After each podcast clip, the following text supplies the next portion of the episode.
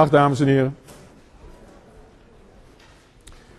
U zult zich hopelijk van het eerste college de vorige week herinneren dat het belangrijkste onderdeel daarvan de methode van het vak is, was. Managerial law. De verschillende manieren waarop het management, de leiding van een organisatie of van afdelingen van die organisatie met recht te maken heeft.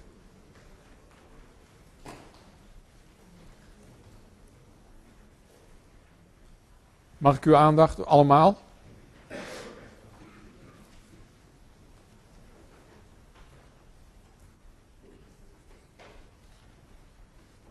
Ja, van u ook? Dankjewel.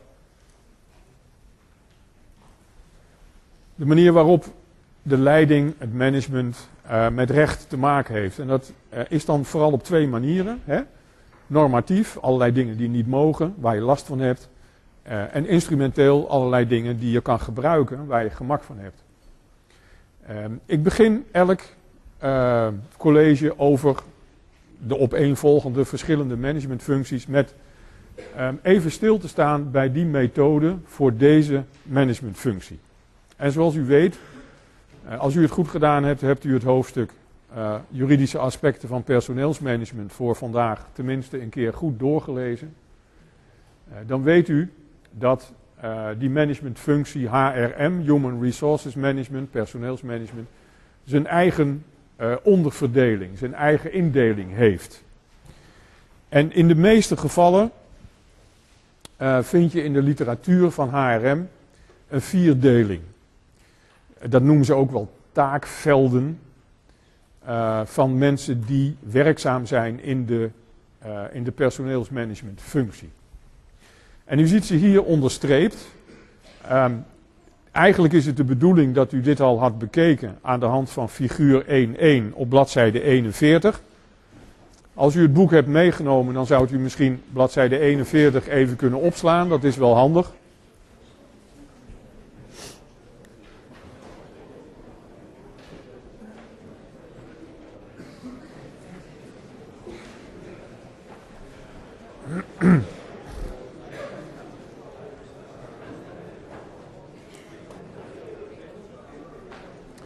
U ziet daar, u ziet daar aan de bovenkant de juridische aspecten uh, van dit managementgebied. En de bedoeling is dat u dat in verband brengt uh, met de uh, structuur van de managementfunctie die we aan de orde hebben. Nou is dat, nou is dat in dit geval, en, en dat is echt toevallig, uh, dat dat bij de personeelsmanagementfunctie um, zo. Wat je aan de kant van de juridische aspecten ziet, is eigenlijk bijna helemaal het vakgebied arbeidsrecht. Uh, en dat laat zich, zoals u zult zien, als u zich een beetje verdiept in die figuur, heel gemakkelijk combineren met die vier taakvelden van de personeelsmanagementfunctie. Arbeidsvoorwaarden is bij wijze van spreken aan de ene kant eh, precies hetzelfde als aan de andere kant. Aan de juridische kant zie je dan het individuele arbeidscontract en de collectieve arbeidsovereenkomst, maar dat samen is een perfecte dekking van het taakveld arbeidsvoorwaarden. Dat is, zullen we zien in de, in, de, in de loop van dit vak, bij die andere managementfuncties in veel mindere mate het geval. Uh, en bij strategisch management heb ik er zelfs moeite mee gehad om uh, die match uh, te maken, omdat strategisch management nog niet zo erg uitgekristalliseerd is. Daar is nog heel veel discussie eigenlijk binnen dat managementgebied. En dan wordt het lastiger om dat te, matchen, te, te kruisen met juridische aspecten. Maar hier past het heel mooi. Laten we er even bij stilstaan om ons te concentreren op de personele managementfunctie. En te zien hoe dat uh, combineert met uh, juridische aspecten, met arbeidsrecht. Neem als eerste de arbeidsvoorziening. Een organisatie wil uh, deskundig personeel. en wil die deskundigheid van het personeel ook op peil houden. Wil vacatures vervullen. Ehm, die, die, die arbeidsvoorziening wordt ook wel eens voorgesteld als een soort van doorstroom. Het begint met instroom in de organisatie en dan stroomt het personeel als het ware door de organisatie heen. Dat gebeurt natuurlijk onderweg van alles en nog wat. En dan is er op een bepaald moment ook weer uitstroom. Als je even denkt aan het begin van die personeelsstroom, uh, dan hebben we bijvoorbeeld sollicitatiecodes. Uh, dat is, ik heb daar de vorige keer al iets over gezegd, er zijn vrij veel van die codes. Dat is niet helemaal hard law, omdat er uh, vaak een, een sanctie of meerdere sancties aan ontbreken. Het wordt wel soft law genoemd, omdat het toch juridisch van belang is. Want als je uh, de regels van zo'n code, in dit geval van mijn voorbeeld, van een sollicitatiecode overtreedt, dan kan een sollicitant die daar schade van ondervindt heel gemakkelijk uh, zeggen: de code is overtreden. Die code, dat zijn toch een soort regels van hoe het hoort, hè, best practices, een soort van zorgvuldigheidsregels. En als je die zorgvuldigheidsnormen overtreedt, heb ik een onrechtmatige daad. En als dat zo is, heb ik recht op schadevergoeding. Dus je ziet, het is dan wel niet helemaal hard law, maar het zit er wel dicht tegenaan. Je kan er wel wat mee, juridisch. Dus je moet zeker ook uh, bij die sollicitatiecodes uh, proberen zo goed mogelijk de regels uh, in acht te nemen. Een ander, ehm, denk ik, heel goed voorbeeld om mee te beginnen is het proeftijdbeding. Een beding, dat is een, een, een raar juridisch woord, wat eigenlijk gewoon afspraak betekent. Als je het schriftelijk vastlegt, en dat doe je meestal, dan kan je ook spreken van een clausule. Zo'n proeftijdbeding spreekt af dat je aan het begin van de arbeidsrelatie um, een zekere tijd op proef bent. Nou, daarmee trap je een open deur in. Wat betekent dat dan? Het betekent dat er in het begin van die relatie, tijdens die proeftijd, gemakkelijk weer een eind kan worden gemaakt aan die arbeidsrelatie. Wilt u proberen de volgende keer op tijd te komen?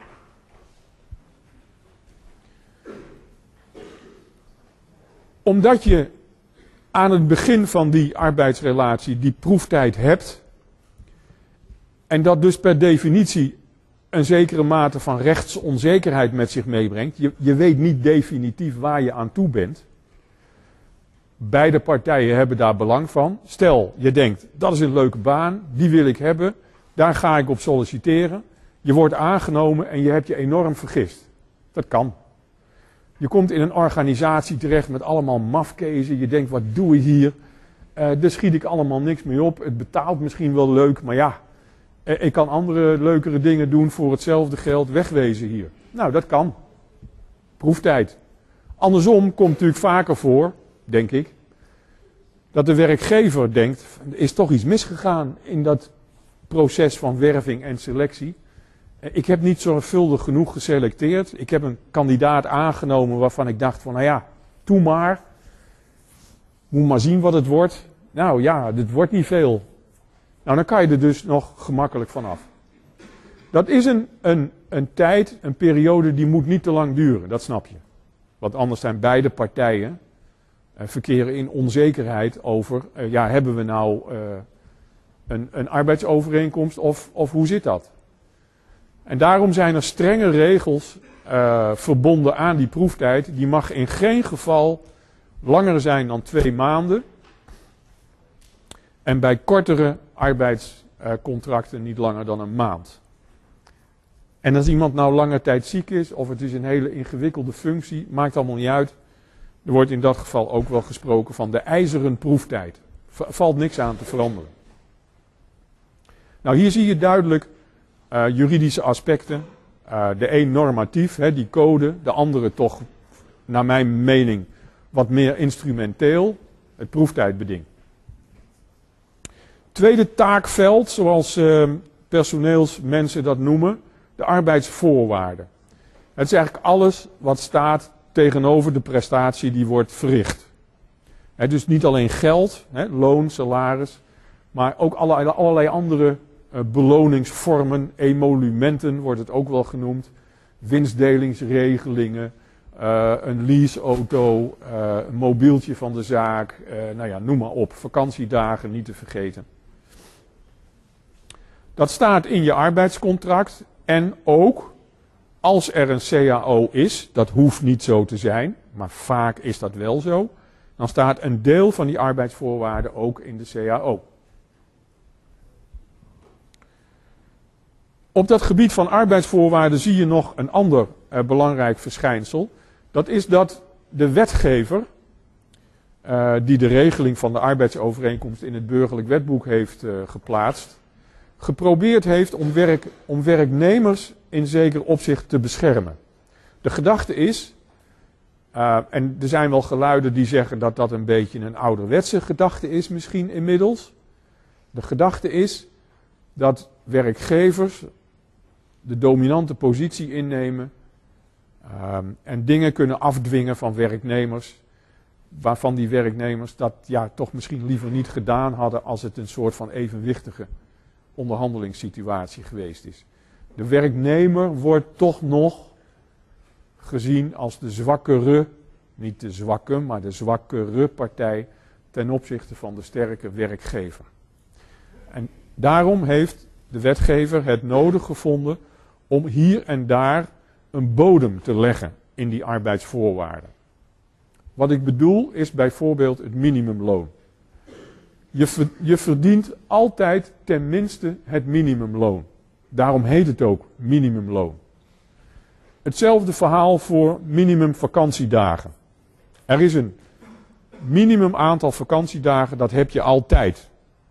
In je arbeidsovereenkomst staat misschien wel, dat hoop ik voor je, dat je meer verdient en dat je meer vakantie hebt. Meer mag wel, minder niet. Dat, dat is het idee van die bodem in arbeidsvoorwaarden. Derde taakveld, arbeidsomstandigheden. Nou, ik denk dat iedereen zich daar heel veel bij kan voorstellen. Arbo hè, in de wandeling. Uh, het voorbeeld van het beeldschermwerk heb ik de vorige keer al genoemd.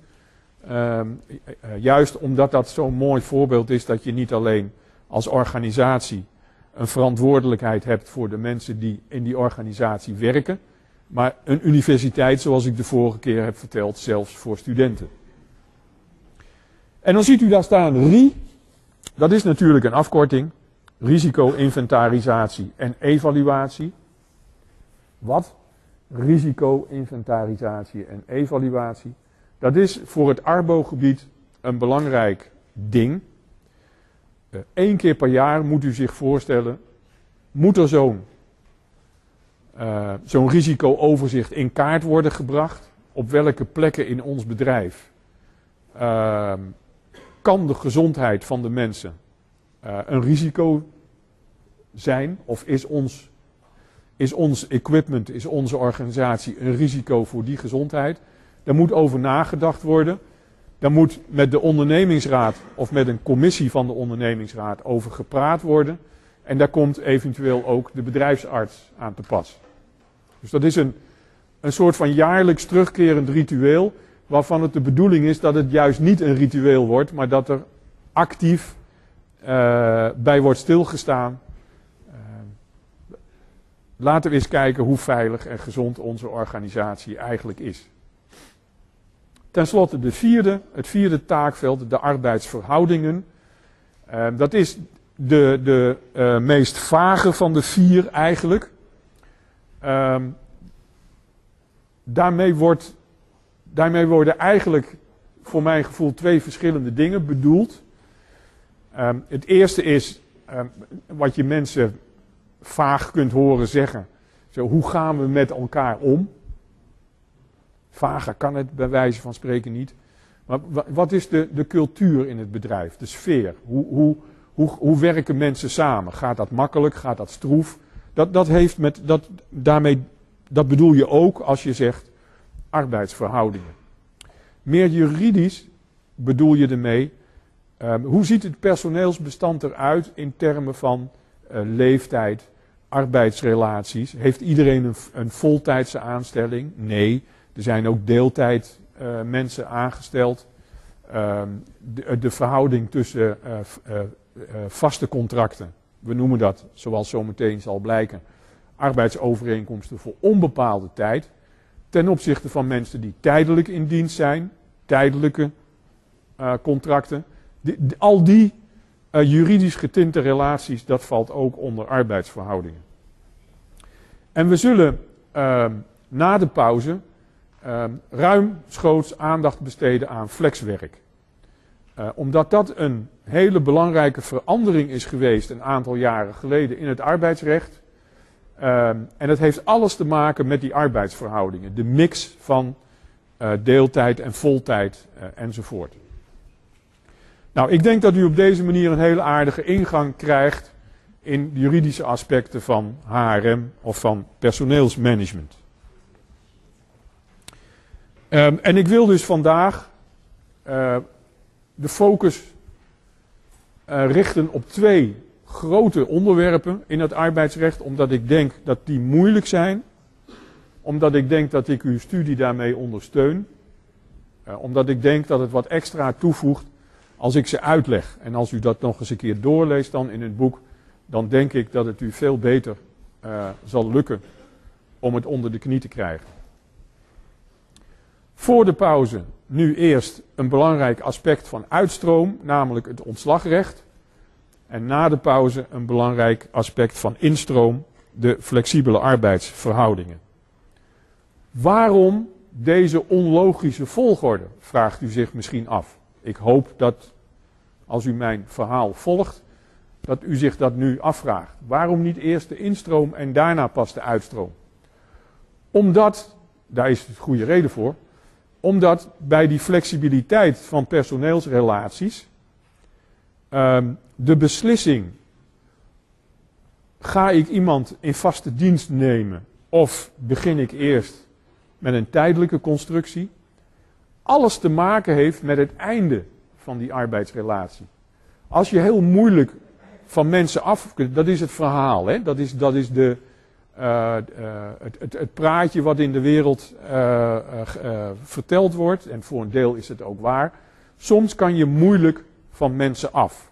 Ontslagrecht, bureaucratie, ontslagbescherming, een heleboel gedoe, dat wil je liever niet. Nou, als je dat liever niet wilt, moet je bij de aanstelling van die mensen al nadenken over, als het nou niet de geslaagde persoon is, hoe kom ik er dan weer van af? Hè? Logisch. Vandaar deze volgorde. We zullen ook zien dat, dat dat tweede onderwerp, flexwerk, flexibele arbeid, is niet te behandelen als je niet eerst uh, basiskennis hebt over het eerste, dat ontslagrecht. Uh, u ziet staan dat het woord ontslagrecht uh, tussen aanhalingstekens staat. Ik, ik pro probeer dat niet automatisch te doen, maar ik probeer dat soort dingen bewust uh, te gebruiken. Dat heb ik hier ook gedaan.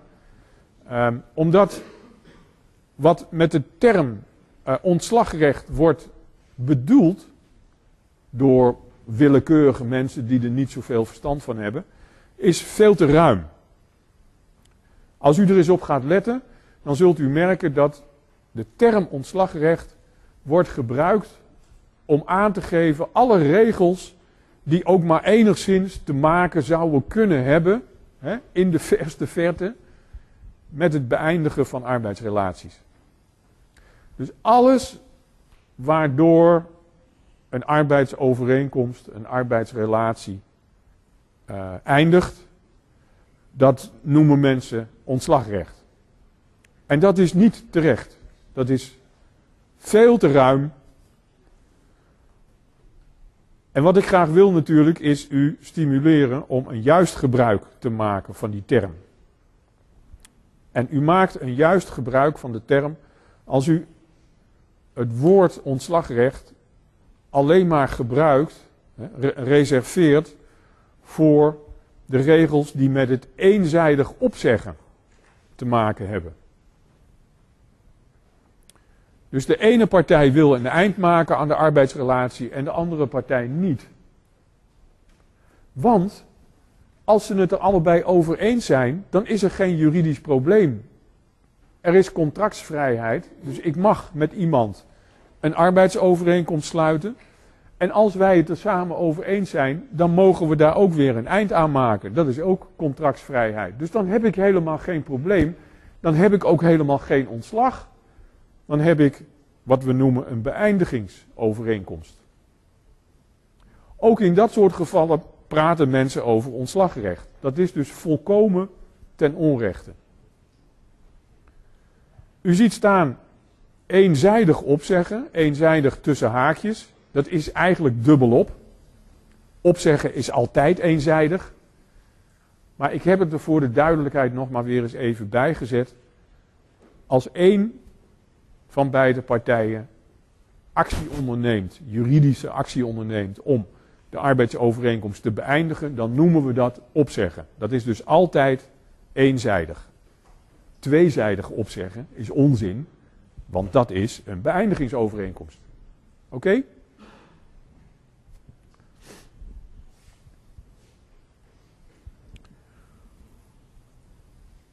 Met prealabel onderscheid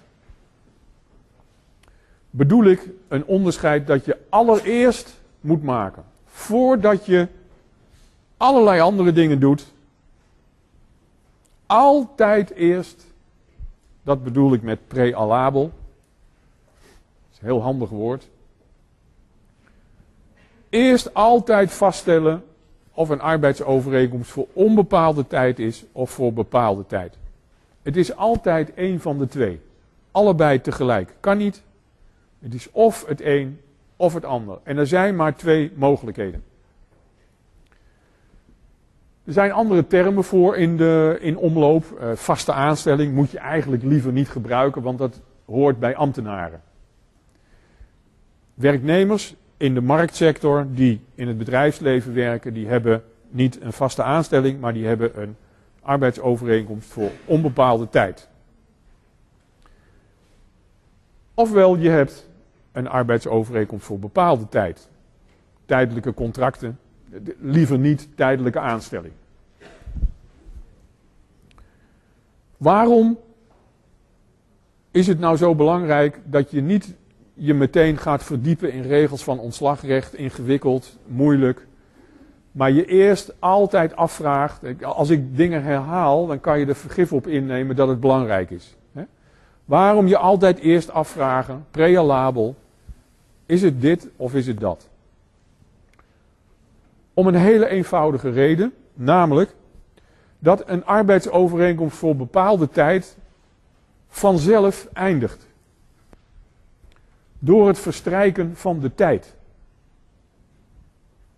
Je bent voor, dat moet je dus gewoon letterlijk nemen. Je bent voor een bepaalde tijd een arbeidsovereenkomst aangegaan. Drie dagen, vier maanden, vijf jaar. Neem het. Bepaalde tijd.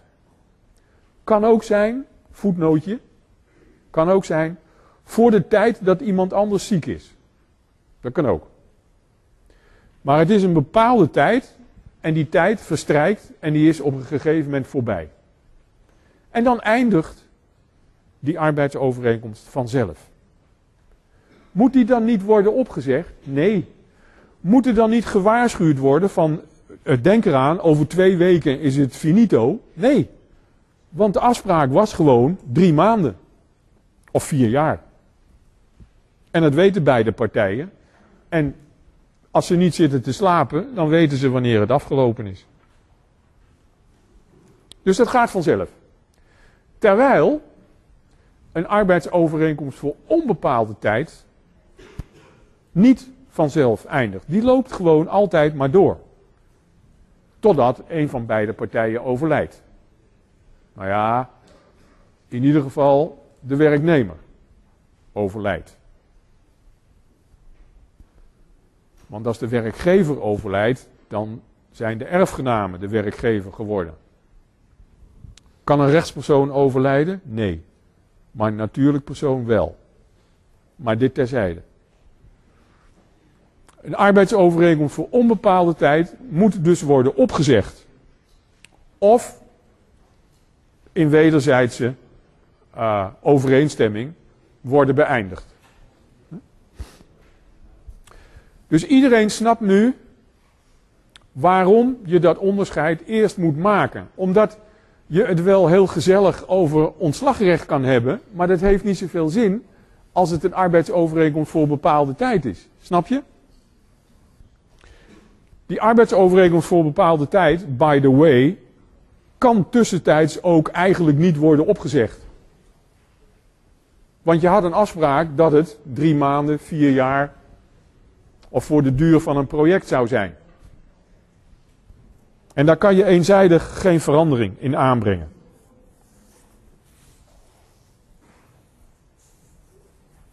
Dat is duidelijk?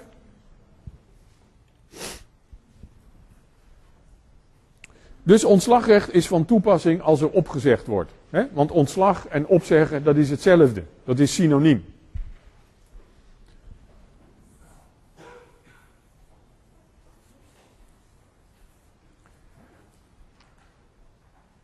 Als we nou eens even kijken, tweede punt hier. Als we nou eens even kijken naar wat is nou de inhoud van dat ontslagrecht? Wat, wat zijn dat nou voor regels? Wat is de bedoeling daarvan? Dan zie je een heleboel procedureregels.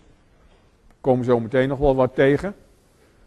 Maar een belangrijk onderdeel, in belangrijke mate staat hier, is bescherming van de werknemer.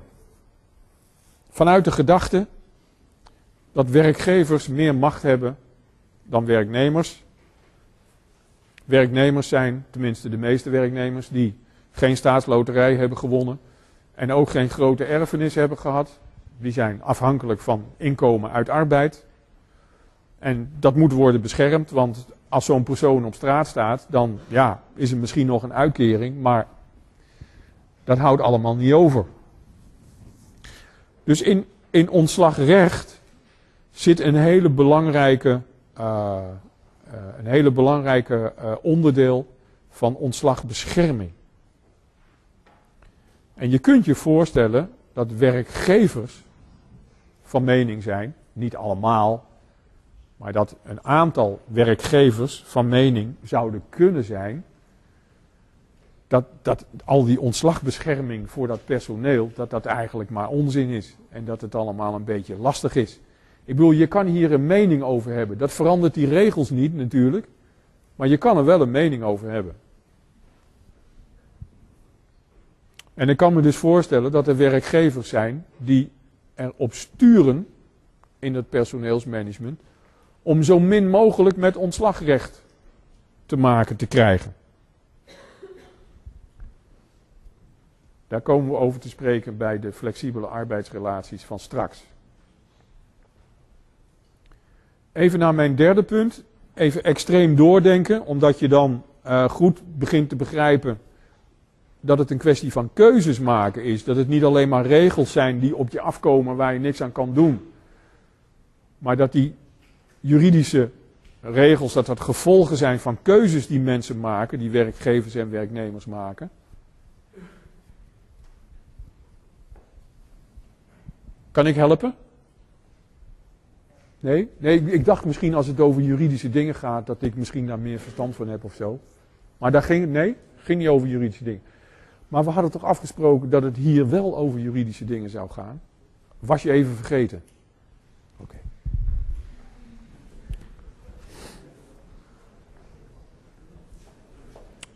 Neem even, even, even als oefening. Hè? Niet, niet, niet in het echt, maar even als oefening. Neem even een werkgever die redeneert gewoon recht toe recht aan. Die heeft gehoord of gelezen, of hij denkt, ontslagrecht moet niet, dat moet je niet willen, veel te lastig. Uh, gedoe, kost geld, tijd, energie, uh, uh, doen we niet. zo min mogelijk. Dus geen mensen in vaste dienst, oh, al op onbepaalde tijd aanstellen, maar tijdelijke contracten. Hartstikke makkelijk, lopen vanzelf af, no nooit geen glazen met instanties. Uh, hè? Dat er daardoor een heleboel deskundigheid vanzelf de organisatie uitlekt, oké, maar even rechtlijnig redeneren. Dus wat doet die persoon? Die stelt gewoon alleen maar mensen op tijdelijke contracten aan. En als het tijdelijke contract afloopt en het is een belangrijk personeelslid, dan geeft het gewoon een nieuw tijdelijk contract. Wat maakt het uit? En daarna weer een tijdelijk contract enzovoort tot in de eindigheid. Dat kan natuurlijk niet de bedoeling zijn, wat je de politiek ook van denkt. Want dan hadden we die arbeidsovereenkomst voor onbepaalde tijd natuurlijk helemaal niet nodig. Dat ontslagrecht met die ontslagbescherming moet wel een keer van toepassing zijn op mensen natuurlijk. Dus, dit, en dit is nou een logische conclusie. Dus, op een bepaald moment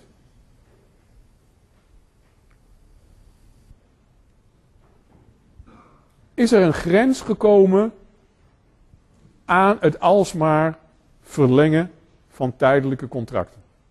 We, we snappen dat werkgevers tijdelijke contracten nodig hebben. Want je kunt niet van werkgevers verlangen dat ze iedereen maar meteen voor onbepaalde tijd aanstellen. Je moet met tijdelijke contracten kunnen werken, je moet pieken op kunnen vangen, je moet mensen kunnen beoordelen, enzovoort, et cetera. Maar op een bepaald moment is er een grens aan dat alsmaar verlengen van die tijdelijke contracten, want dan moeten mensen volledige ontslagbescherming krijgen. En dat is hier mijn derde punt. Er is een ketenregeling. En die ketenregeling die zegt dat je tijdelijke contracten onder bepaalde voorwaarden bij elkaar op moet tellen. Op die manier krijg je een keten. Hè? Eerste contract, tweede contract, derde contract, vierde contract, enzovoort, enzovoort, enzovoort. En op een bepaald moment slaat die keten van tijdelijke contracten om van rechtswegen, zonder dat je dat merkt, bij wijze van spreken, in een arbeidsovereenkomst voor onbepaalde tijd.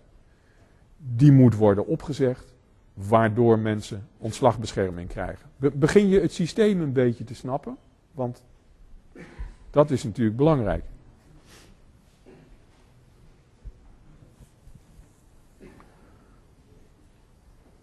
Als het ontslagrecht van toepassing wordt, hè, tijdelijk, tijdelijk, tijdelijk, tijdelijk, tijdelijk, stop. Onbepaalde tijd, opzeggen, ontslagrecht. Ja? Als het ontslagrecht van toepassing wordt, dan is het feest, in ieder geval voor juristen, lawyers paradise, dames en heren. Want dan zijn er meteen twee regelsystemen van toepassing. We hebben dus niet één ontslagrecht, was het maar waar. We proberen al 35 jaar om die twee ontslagstelsels, die twee regelstelsels die we tegelijkertijd naast elkaar hebben, we proberen al heel lang daar één systeem van te maken, dat lukt niet. Er zijn altijd weer mensen die zeggen van nee, we hebben heel erg veel belang bij dat ene systeem, dat moet blijven. En dan zeggen anderen weer, nee, wat ons betreft moet het andere systeem, nou dus blijven beide systemen voortdurend bestaan. Als de PVV dit kabinet niet had gedoogd, dan had dit kabinet, hebben ze zelf gezegd, had dit kabinet voor de zoveelste keer willen proberen om het ontslagrecht te vereenvoudigen. Maar de PVV heeft bedongen dat er van het ontslagrecht moet worden afgebleven. Daar heb je weer zo'n zo'n lobby, zo'n belangengroepering zeggen van nee, het moet vooral in stand blijven. Twee regelsystemen. De ene van het BBA en de andere van het BW. Het eerste zegt, om geldig te kunnen opzeggen, moet je toestemming hebben. Preventief. Eerst toestemming halen, dan mag je opzeggen. Waar moet je die toestemming vragen? Bij wat tegenwoordig heet het UWV-werkbedrijf. Het UWV, UWV betekent uitvoeringsinstantie werknemersverzekeringen. Maar iedereen zegt altijd nog gewoon arbeidsbureau of CWI, Centrum voor Werk en Inkomen. Nou, dat heet nu zo, maar dat is de instantie die kan jou toestemming geven om een arbeidsovereenkomst op te zeggen. Als die opgezegd moet worden, hè, want een arbeidsovereenkomst voor onbepaalde tijd, die, sorry, voor bepaalde tijd, die kan niet worden opgezegd. Dus voor arbeidsovereenkomst voor onbepaalde tijd, hè, ontslagrecht, BBA, eerst toestemming halen en dan mag je opzeggen. Opzeggen zonder toestemming is dus niet geldig. Andere systeem, burgerlijk wetboek, BW. Ontslag beëindigt altijd. Opzeggen beëindigt altijd de arbeidsovereenkomst. Je kan het goed doen, regelmatig. Je kan het verkeerd doen, onregelmatig. Dat betekent schadeplichtig. Dat wil zeggen geld betalen. Maar hoe je het ook doet, de arbeidsovereenkomst is beëindigd. Dat is handig. Ongelooflijk. Ongelooflijk onhandig eigenlijk. Twee systemen naast elkaar. Het ene zegt, als je opzegt, is er altijd een einde. Kan geld kosten, maar oké. En het andere systeem zegt, eerst toestemming vragen, anders is het niet geldig. En dit, dames en heren, lokt allerlei tactisch en strategisch gedrag uit van partijen die zoveel mogelijk geld willen. Die springen namelijk voortdurend heen en weer. Van het ene systeem naar het andere systeem. Om te kijken om de kans dat je er veel geld uitsleept te maximaliseren.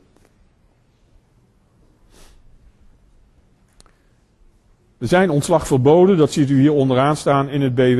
In bepaalde omstandigheden mag je mensen niet ontslaan. Bijvoorbeeld als ze in de ondernemingsraad zitten, dan mag het niet. U kunt wel zelf wel bedenken waarom niet.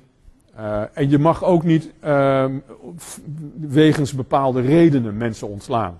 Je mag mensen niet ontslaan omdat ze zwanger zijn, of omdat ze getrouwd zijn, of omdat ze de verkeerde kleur haar hebben. Dat mag allemaal niet. Maar afgezien van die ontslagverboden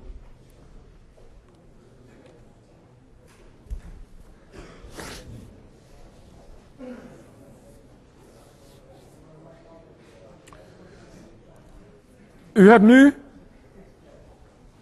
u hebt nu in grote lijnen een idee van hoe het ontslagrecht eruit ziet. En waarom, wanneer we dat nodig hebben. Om het rond te krijgen, dat beeld in hoofdlijnen, nog even een paar dingen. Die ziet u hier. In twee gevallen is er geen ontslagbescherming. Dus ik heb een arbeidsovereenkomst voor onbepaalde tijd. Hè? Die moet ik opzeggen, want anders eindigt die niet. Als ik het niet eens kan worden. Maar als ik opzeg, betekent dat ontslagrecht. En dat betekent dus in belangrijke mate ontslagbescherming. Ja, zover waren we. In twee gevallen niets van wat alles.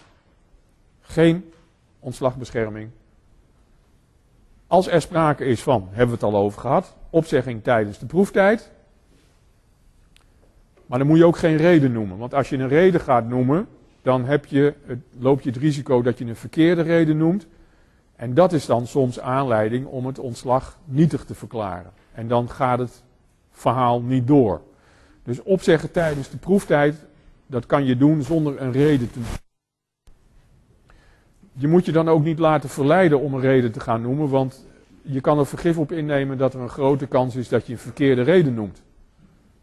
En dan is het hele voordeel van de proeftijd weg. Ja, maar ik functioneer toch heel, heel aardig. Dan moet je zeggen, alleen moet je alleen maar zeggen, proeftijd. Dan moet je niet zeggen, nee, je functioneert helemaal niet, kluns. Dat is helemaal niet goed. Je moet alleen maar zeggen, proeftijd. Ja, maar proeftijd.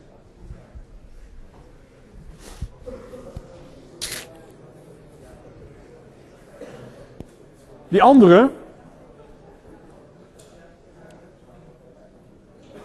die andere, die is, die is risicovoller. Er is ook geen ontslagbescherming bij een ontslag op staande voet. En dat moet u letterlijk nemen, ontslag op, staande voet. Dat kan niet pas over een week zijn of zo, dat is nu. Wegwezen.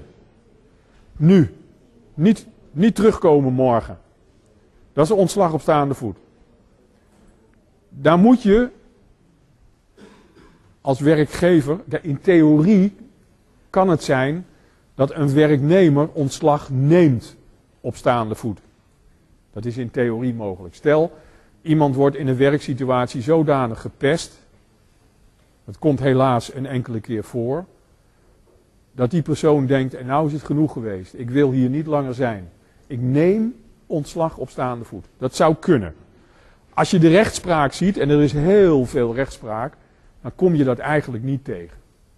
Dus het is bijna altijd, of zeg maar rustig, altijd, de werkgever die ontslaat, die ontslag geeft, op staande voet. Daar moet een hele dringende, goede reden voor zijn.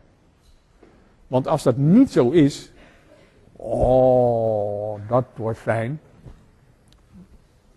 Die zaak wil ik graag behandelen. Daar komt een maximale zak geld uit. Iemand ten onrechte ontslaan op staande voet. Daar hou je 25 jaar lang spijt van.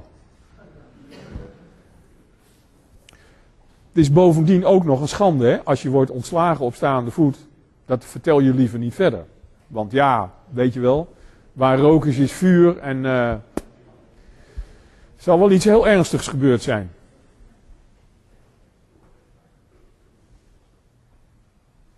Het betekent ook in principe ook geen werkloosheidsuitkering. Dus dat is allemaal heel ellendig. Daar moet je erg voor uitkijken. En dan is er, als je alles hebt gehad, bij wijze van spreken. Mag ik nog even, dames en heren? Als je alles hebt gehad, dan is er nog één laatste mogelijkheid. Zeggen, alle regels uh, zijn in acht genomen. Hè? Dus ik heb een regelmatig ontslag. En ik had ook toestemming uh, van, van tevoren om het te doen. En het is allemaal netjes gegaan. En er is geen ontslagverbod van toepassing, uh, enzovoort, enzovoort, enzovoort. Het is bijna niet te geloven, maar het ging allemaal goed.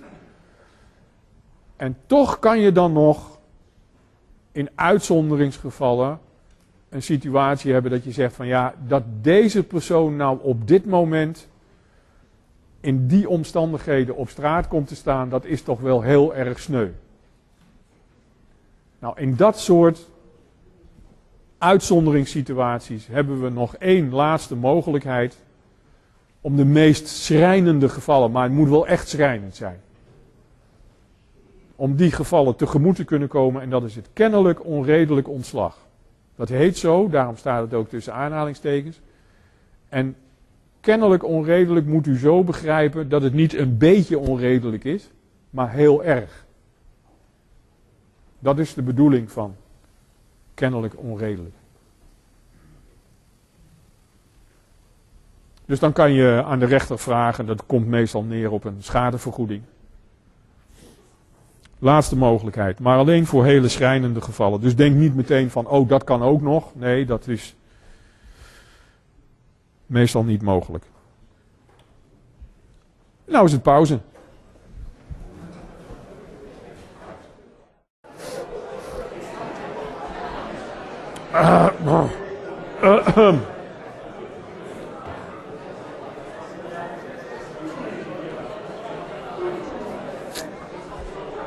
Dames en heren.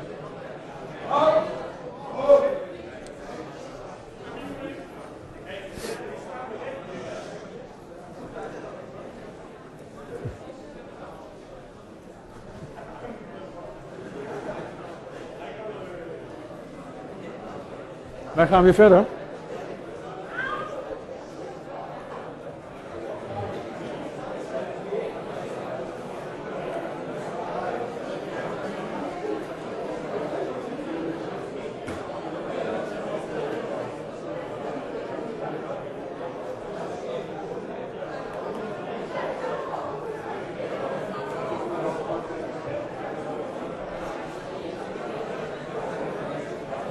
Ja. Kan die weer?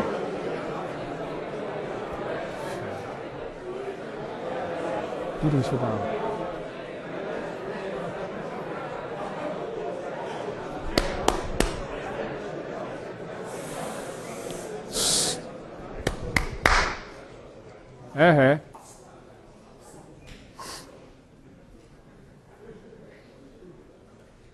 En andere geluiden. Hè? Any noise dat het goed genoeg is om het stil te krijgen. Hartelijk dank. Ehm, even tussendoor, omdat ik het misschien anders vergeet aan het eind van mijn verhaal straks. Ehm, er is donderdag het eerste werkcollege. Wat is daar nou eigenlijk de bedoeling van? Het boek is goed geschreven. Ah, mag ik dat wel zeggen?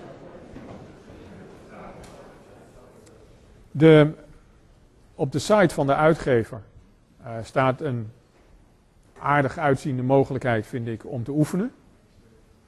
Ik hoor graag nog eens van je na het college of in de pauze van een volgend college enzovoort wat je daarvan vindt. Want voor mij is dat ook de eerste keer.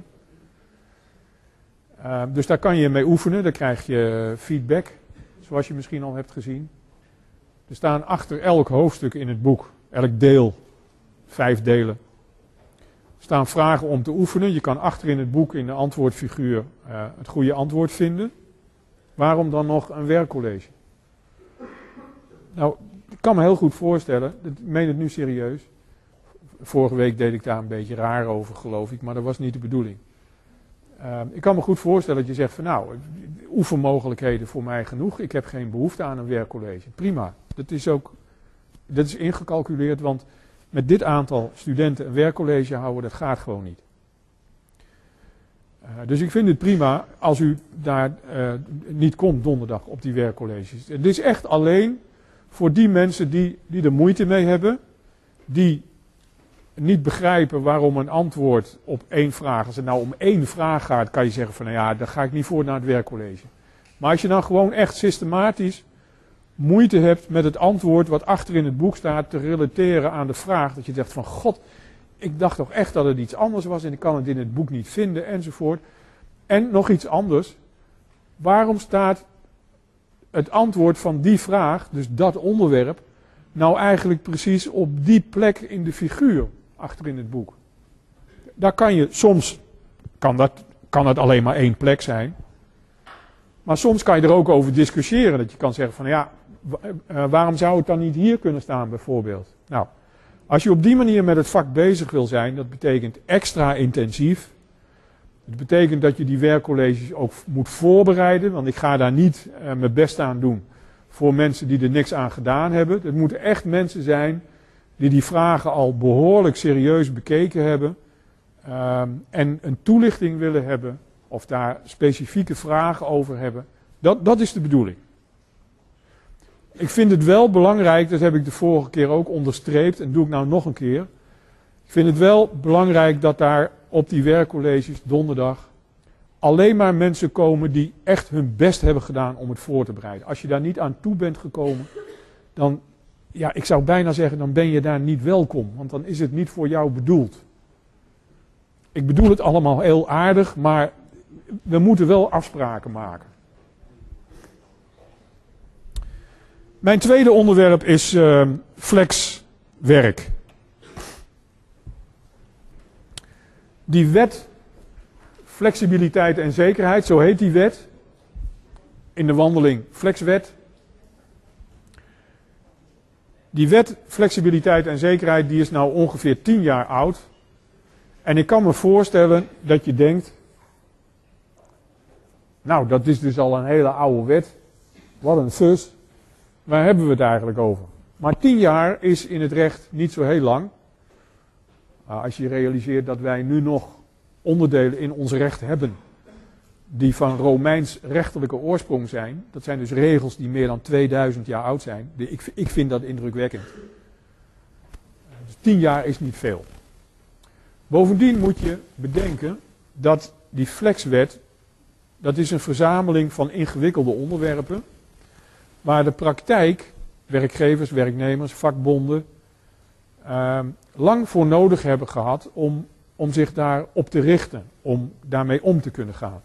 Voor sommige regels is ook gewoon eerst rechtspraak nodig. Uh, we zullen zo meteen een Greenpeace-arrest tegenkomen. Nou, dat is een voorbeeld van een belangrijk arrest van de Hoge Raad, waardoor plotseling iets een stuk duidelijker wordt. Dus zoiets heeft een hele ontwikkeling. En als je je dat realiseert, dan is tien jaar niet zo lang. En die flexwet die heeft echt, laten we zeggen, de kern van het arbeidsrecht uh, geraakt. en belangrijk veranderd. En het is vooral op dit gebied ook dat er heel veel wisselwerking is tussen de regels en de praktijk die met die regels moet werken. Je ziet hier uh, in hele grote lijnen wat de bedoeling is geweest. En natuurlijk nog steeds is, want die wet geldt nog steeds. Twee belangen met elkaar verenigen die eigenlijk moeilijk met elkaar te verenigen zijn. Namelijk flexibiliteit aan de ene kant en zekerheid aan de andere kant. Flex en zeker. Flexibiliteit is natuurlijk duidelijk dat dat het belang is van de werkgever. Groot bedrijf, klein bedrijf, maakt niet uit. Als daar personeel is, dan wil die werkgever, personeelsmanagement, human resources, wil dat personeel zo doeltreffend mogelijk inzetten. En het kan heel goed zijn dat in die organisatie er niet op elke dag evenveel personeel nodig is. Denk even aan een winkel. Die wil op koopavonden en op zaterdag, en als er een koopzondag is, dan ook, meer personeel in de winkel hebben dan op maandagmiddag of op uh, woensdagmorgen. Dus het is logisch dat je je personeel flexibel wilt inzetten. Duidelijk werkgeversbelang. Aan de andere kant is er een duidelijk werknemersbelang, namelijk een belang van zekerheid. Al was het alleen maar dat je graag wil weten op hoeveel inkomen je nou eigenlijk kan rekenen. Kan, ik mijzelf bedruipen met dat ene baantje? Of moet ik vragen om een, ruimere, uh, een ruimer arbeidscontract? Of moet ik er een ander baantje bij gaan zoeken? Uh, dat, dat is die behoefte aan zekerheid. En deze wet, deze belangrijke wet, pro probeert die twee belangen op een evenwichtige manier uh, aan, aan hun trekken te laten komen. En het is een politiek oordeel of je vindt dat de wet daarin slaagt of niet. Maar de bedoeling is duidelijk.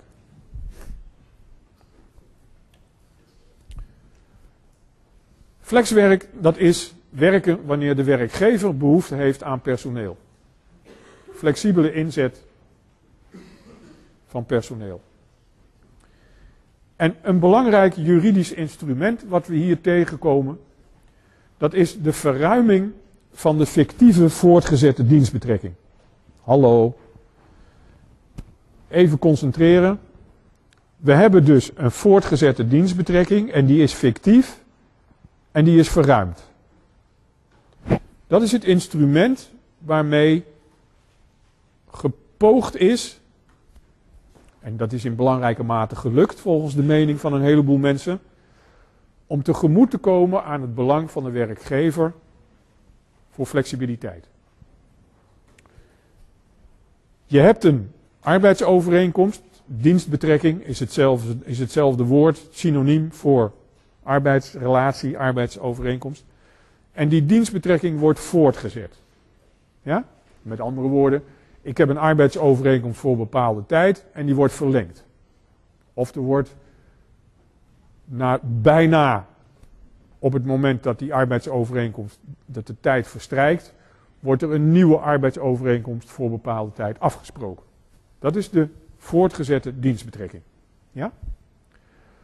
Op een bepaald moment is die keten zo lang geworden dat we zeggen, en nu is het redelijk om mensen ontslag, ontslagbescherming te geven. Je kan niet eindeloos, dat is niet rechtvaardig. Je kan niet eindeloos doorgaan met tijdelijke contracten zodat iemand nooit ontslagbescherming krijgt.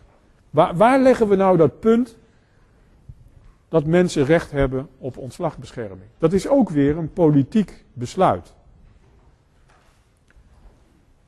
Het gaat hier om de techniek, om het instrument. Dus na de zoveelste verlenging, dan is de voortgezette dienstbetrekking een fictieve voortgezette dienstbetrekking. En dan is het resultaat dat de arbeidsovereenkomst die dan begint, er één is voor onbepaalde tijd. Ja, dus tijdelijk, tijdelijk, tijdelijk, tijdelijk, tijdelijk, tijdelijk, Omslagpunt, fictieve voortgezette dienstbetrekking. Waarom, waarom fictief? Omdat partijen dat niet wilden, althans in ieder geval de werkgever niet. Maar dan toch arbeidsovereenkomst voor onbepaalde tijd, die eindigt door opzegging, ontslagrecht enzovoort. Ja? Dus dit is het instrument. En als je nou die keten die ontstaat door die voortgezette dienstbetrekkingen, als je die verruimt, dan vergroot je de flexibiliteit. Dat moet je even zien. Hè? En als je, als je iemand bent die zegt van nou, ik vind dat werknemers eerder recht hebben op ontslagbescherming, dan maak je de keten kleiner. Dan maak je eerder, dan zorg je dat dat omslagpunt eerder plaatsvindt. Dat is de techniek. De fictieve voortgezette dienstbetrekking. En de flexibiliteit zit hem dus in, derde punt hier, zit hem dus in de mogelijkheid om tijdelijke arbeidsrelaties te kunnen verlengen zonder dat dat moment van die ontslagbescherming intreedt. Dat noemen we ook wel de ketenregeling. En die ketenregeling die stopt de flexibiliteit doordat ontslagbescherming intreedt. Dus daar slaat het belang van de werkgever om in het belang van de werknemer.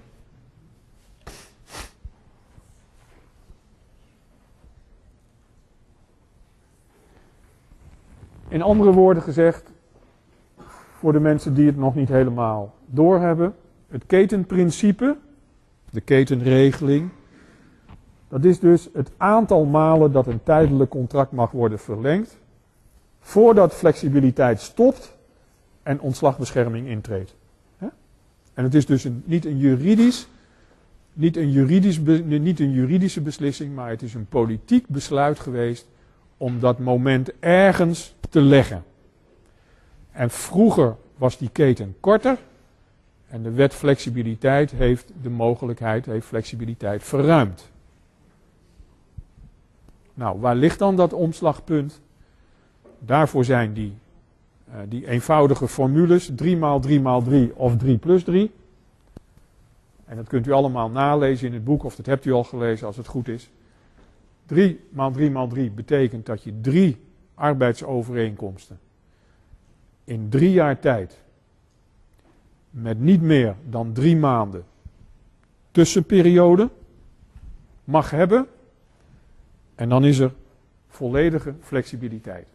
Dus werkgevers die op safe willen spelen, zeggen in mijn organisatie geen ontslag, gesodemieter. Zoveel mogelijk alleen maar tijdelijke arbeidsovereenkomsten, die zorgen ervoor dat de arbeidsrelaties waar het betrekking op heeft voldoen aan de formule 3 maal 3 maal 3. In drie jaar tijd niet meer dan drie contracten met niet meer dan drie maanden tussenpoos. Zie je hoe die keten eruit ziet? Als er dan nog een verlenging komt, dan is het bingo voor de werknemer. Ja? En 3 plus 3 is een variant die bedoeld is voor een langlopend project. Je weet niet precies hoe lang het project loopt, maar je wilt mensen kunnen aanstellen voor een project. Dan zeggen we nou oké, je mag mensen aanstellen voor drie jaar of langer. Langlopende projecten. Hè? Dat is de eerste drie.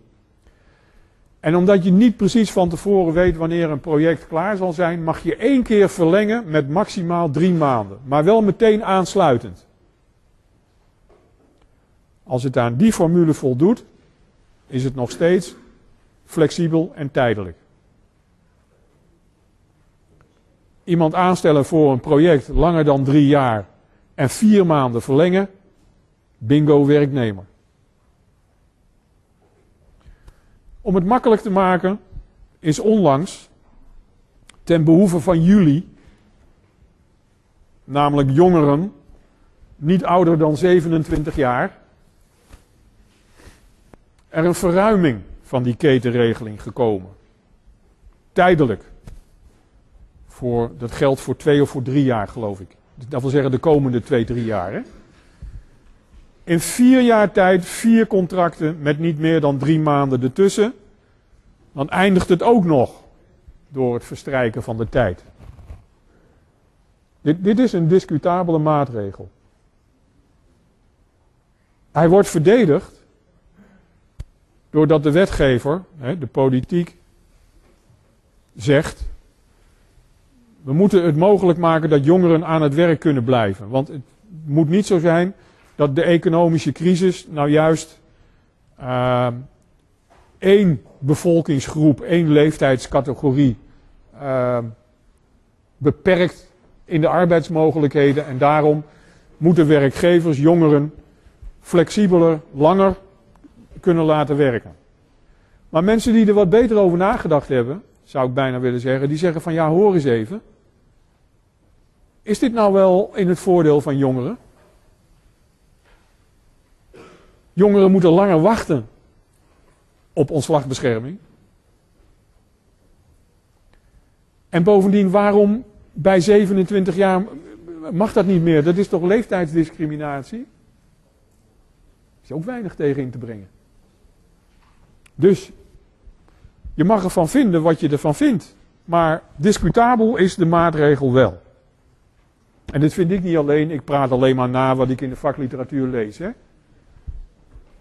Nota bene, arrest van de Hoge Raad, HR Hoge Raad, 2007, Greenpeace. Je moet de case maar nalezen in het boek. De vraag die uh, hier aan de orde is, dat is, mag je door, door die drie maanden, door daarmee te manipuleren, hè, mag je die drie maanden zodanig inzetten dat je maximaal gebruik maakt van deze ketenregeling. En er is gezegd in dit geval van Greenpeace, een medewerker van Greenpeace die ging eerst akkoord met een bepaalde inzetbaarheid. Ehm, en achteraf uh, zei hij dat dat niet in de beugel was, uh, dat het niet uh, door de beugel kon. Ehm, en dat hij alsnog recht had op loon enzovoort. Nou, zo'n verhaal. En het Greenpeace-arrest is belangrijk omdat de Hoge Raad hier gezegd heeft dat je met die tussenpozen, je, mag, je, je personeelsbeleid mag je hierop op afstemmen. Je mag zo goed mogelijk, maximaal mogelijk gebruik maken van die ketenregeling. Daar is die voor. Dus het is geen kwestie van ontduiken.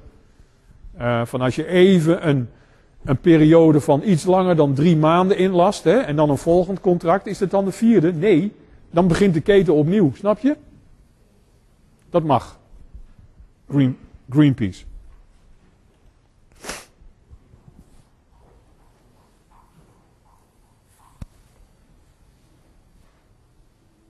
Dus je bent verantwoordelijk als medewerker uh, personeelszaken, uh, personeel en organisatie, uh, hoe dan ook.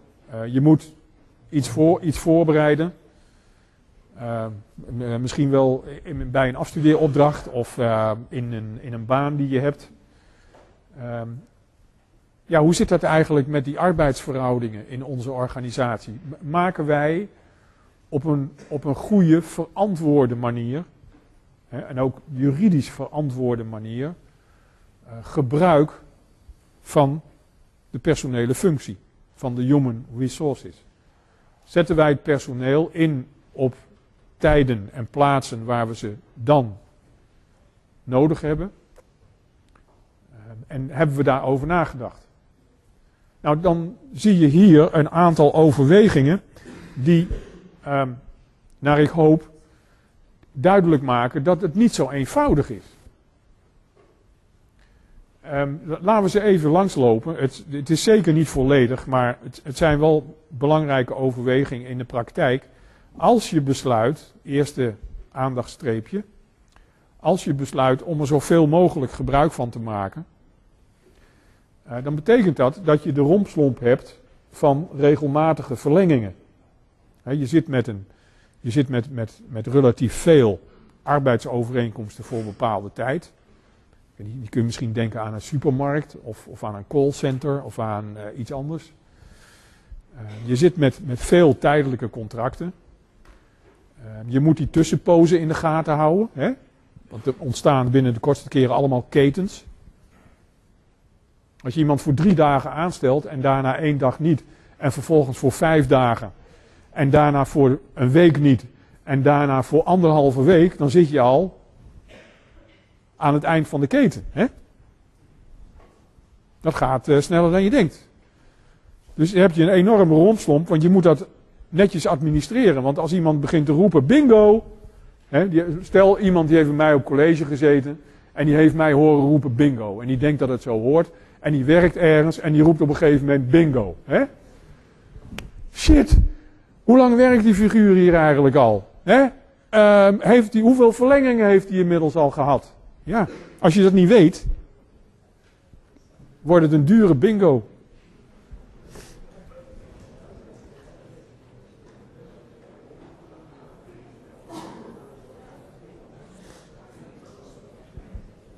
Tweede overweging.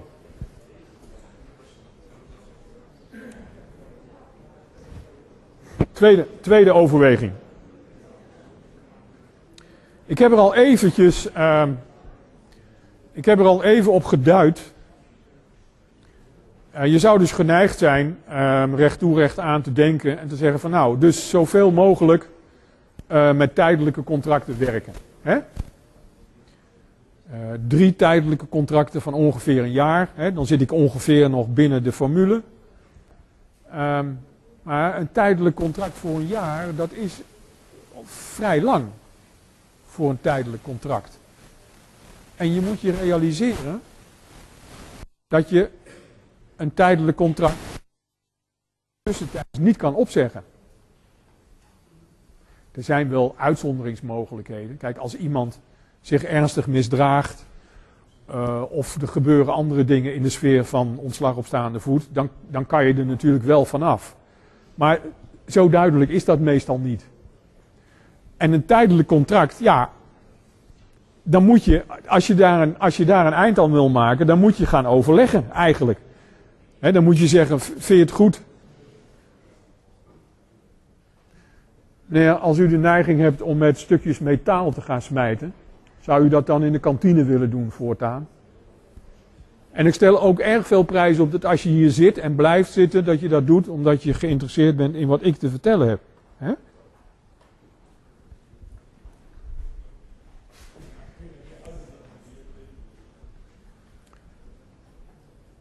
Dus je mag tussentijds niet opzeggen, behalve in hele extreme gevallen van wangedrag enzovoort. Dus als je dan toch spijt hebt na een paar maanden en je wilt ja, toch eerder, uh, laten we zeggen, afscheid nemen van dat personeelslid, dan zul je met hem, moeten gaan, met hem of haar moeten gaan praten. En als, of, als hij of zij een beetje slim is, dan uh, zegt hij of zij, nou, er valt misschien best wel over te praten. Begrijp je? Betaal maar gewoon door. Want je kan niet opzeggen. Je moet die mensen steeds opnieuw inwerken. Dat is duidelijk niet zozeer misschien een juridische overweging, maar wel een organisatorische. En aan de andere kant, mijn laatste, over, mijn laatste overweging, om, om u te laten zien dat het genuanceerd uh, ligt. Is het, nou, is het nou wel helemaal zo erg eigenlijk, die arbeidsovereenkomst voor onbepaalde tijd? Er wordt in de praktijk nogal overdreven over gedaan. Want iemand die maar kort bij jou werkt en die een arbeidsovereenkomst heeft voor onbepaalde tijd, die kan je wel opzeggen. Moet je wel eerst toestemming vragen. Ja, dat is dan een beetje jammer. Extra moeite. Maar als je die toestemming hebt, kan je ook met een opzegtermijn van een maand van die persoon af. Zoveel stelt die ontslagbescherming niet voor als iemand nog maar kort bij je werkt. Hoe erg is dat eigenlijk? En je hebt niet dat nadeel van die onmogelijkheid om tussentijds op te zeggen. Ja.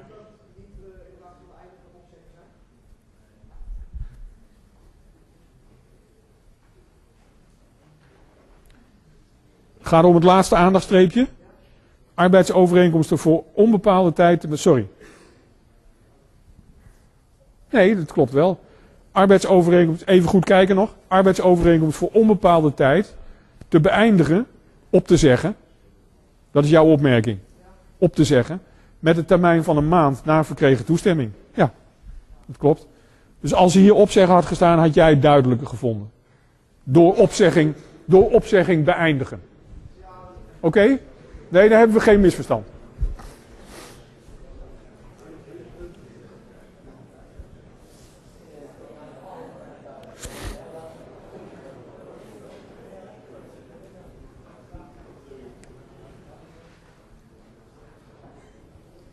Ja, sorry.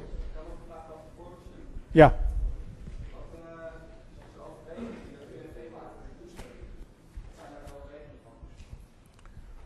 Welk aandachtstreepje heb je het over? Ah, oké, ja. Ehm, eh, even kort. Het UWV-werkbedrijf, het arbeidsbureau, is een onderdeel van het ministerie van Sociale Zaken en hanteert richtlijnen van het ministerie. Uh, dat is allemaal vrij ingewikkelde ambtelijke bureaucratie. Waar het eigenlijk gewoon op neerkomt, in 9 van de 10 gevallen. Dat is als jij de werkgever bent, heb je een goede reden om iemand op te zeggen. En als je aannemelijk kan maken dat je daar over na hebt gedacht uh, en daar een goede reden voor hebt, dan krijg je toestemming.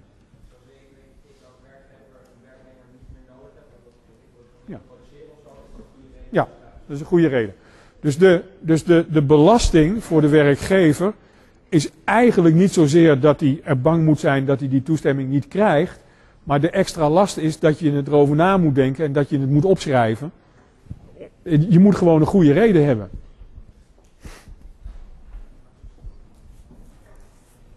Overigens, eh, maar dat staat ook in het boek. Hè. Ik kom erop omdat iemand in de pauze die leek dat even vergeten te zijn.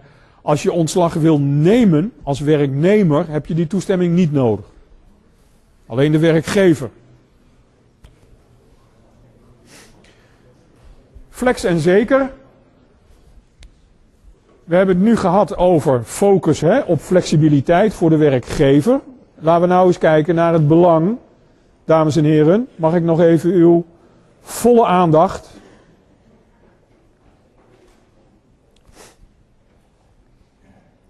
Focus op dat element zeker. Hè? Want het is een wet die twee belangen evenwichtig probeert te dienen.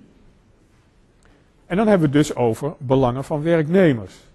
Twee belangrijke onderdelen op dit punt. Die wet Flex en Zeker heeft uitzendarbeid meer standing, meer status gegeven. Het was vroeger onduidelijk hoe dat nou eigenlijk zat met die uitzendarbeid.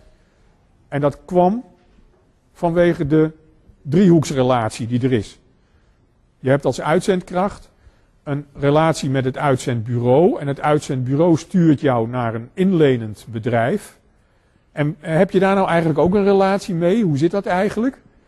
Uh, hoe, hoe kan het inlenende bedrijf nou instructies geven terwijl het niet de werkgever is? Wie is eigenlijk de werkgever? Nou, dat soort dingen. Dat is nu beter geregeld.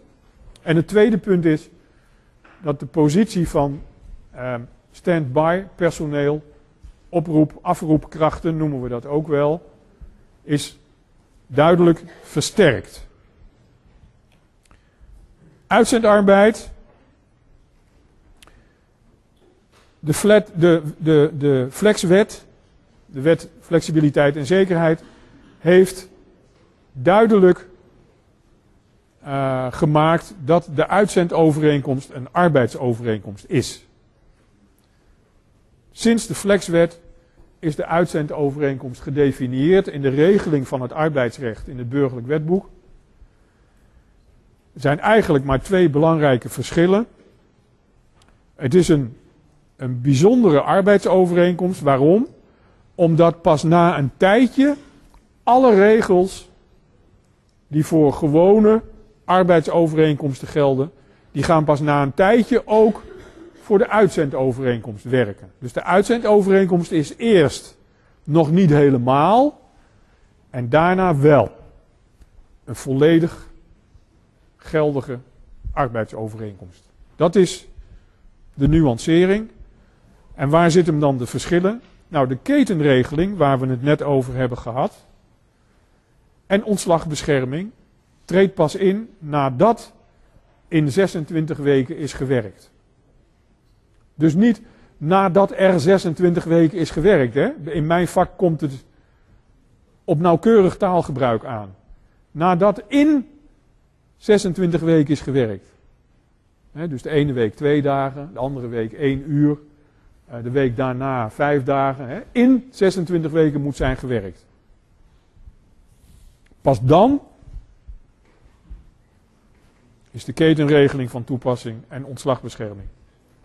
Maar, wat, wat daaronder staat, mijn tweede punt, eigenlijk had ik daar een hele dikke streep onder moeten zetten.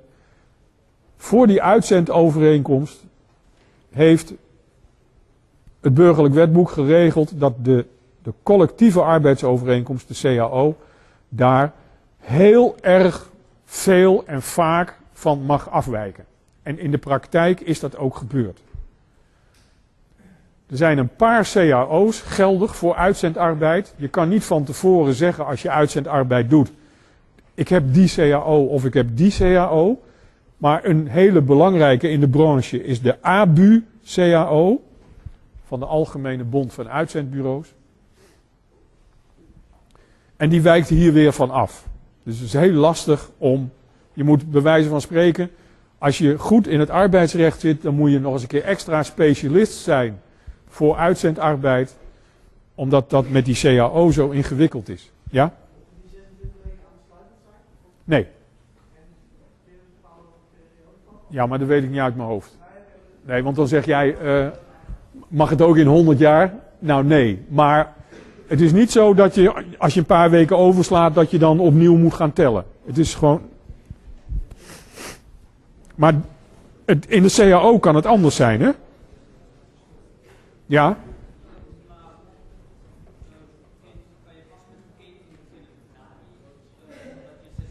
Ja, dan mag je pas met die keten beginnen.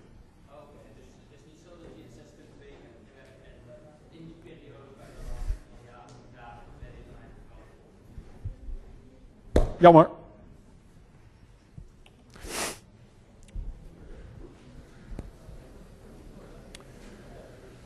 Veel, veel flexibel werk, veel flexwerk, dames en heren. Veel flexwerk vindt plaats doordat mensen uh, op vrij korte termijn worden opgeroepen. Ik bedoel, je hebt ooit een keer gezegd, uh, nou ja, ik wil wel uh, invallen als dat nodig is. Ehm, sommige bedrijven hebben ook een regeling dat ehm, mensen op maandagmorgen om 8 uur aan de telefoon moeten zitten. En als ze om 9 uur nog niet gebeld zijn, dan is er deze week geen werk. Dat kom je ook veel tegen. Um, dat, dat werken met oproep- en afroepkrachten, dat is zo incidenteel. Dat je je op een gegeven moment kan afvragen. En vaak is de werkgever het dan ook weer niet eens met de werknemer. Die heeft een andere administratie. In zijn agenda staat, dan en dan, dan heb ik gewerkt. En, en achteraf zegt die werkgever, ja, maar ik kan daar helemaal niks van terugvinden. Uh, dat, dat, ik heb een hele andere administratie en zo weet. Nou, allerlei misverstanden en problemen. Uh, dat is allemaal zo'n beetje uh, hapsnap. Nou, het ging in de praktijk om een steeds groter aantal mensen. En daar is bij de flexwet geprobeerd om die mensen die, nou ja, ik zeg maar even het hapsnap personeel, stand-by, uh, personeel om die een steuntje in de rug te geven. En dat is gedaan door twee rechtsvermoedens. En de bedoeling van zo'n rechtsvermoeden is dat je een, een steviger bewijspositie hebt. Je hebt allemaal, allemaal wel eens gehoord van de omkering van de bewijslast. Nou, dat is hier ook ongeveer zo. Als je kan aantonen dat je een aantal keren hebt gewerkt op een bepaalde basis, dan krijg je een omkering van de bewijslast. Dan moet de werkgever maar uitleggen dat het niet zo was of anders bedoeld is, of dat het rechtsgevolg niet intreedt, enzovoort. Die twee rechtsvermoedens, één uh, op het gebied van is er nou wel of geen arbeidsovereenkomst. Nou, die, dat stand-by personeel, dat heeft dus de steun van een rechtsvermoeden in de rug. Dat het op een bepaald moment wel een arbeidsovereenkomst is met alle rechten, hè, met alle rechten van dien. En ehm, een ander rechtsvermoeden heeft te maken met dat je op een gegeven moment een gemiddelde mag uitrekenen. Eh, en dat is dan het aantal uren dat je hebt gewerkt als dat niet, niet duidelijk is. Het tweede punt, de minimumaanspraak per oproep, heeft eigenlijk een einde gemaakt aan het zogenaamde nul-uren-contract. Je hebt mensen die hebben een nul-uren-contract en die denken dat ze een contract hebben. Staat toch contract? Jawel, maar er staat ook nul uur. En nul uur is niks. Dus een nul-uren-contract gaat nergens over. dat is een misleidende manier om mensen aan je te binden. Die mensen die denken, ik hoor daarbij. Dat is helemaal niet waar. Wat is dat voor verplichting? Ja, om iemand voor nul uur op te roepen. Het is toch niks? Daarom is er geregeld dat er, als zo iemand wordt opgeroepen, een minimum aanspraak is van drie uur uitbetalen. is ook een poging om die mensen wat steviger uh, in hun schoenen te laten staan. En na zes maanden, laatste punt, dan moet je ook niet gewerkte uren betalen. Dus stel je hebt een min-max contract. En je werkt daadwerkelijk minder dan het minimum aantal uren. zijn mensen die hebben er veel verstand van, geloof ik. Want er wordt. Uh...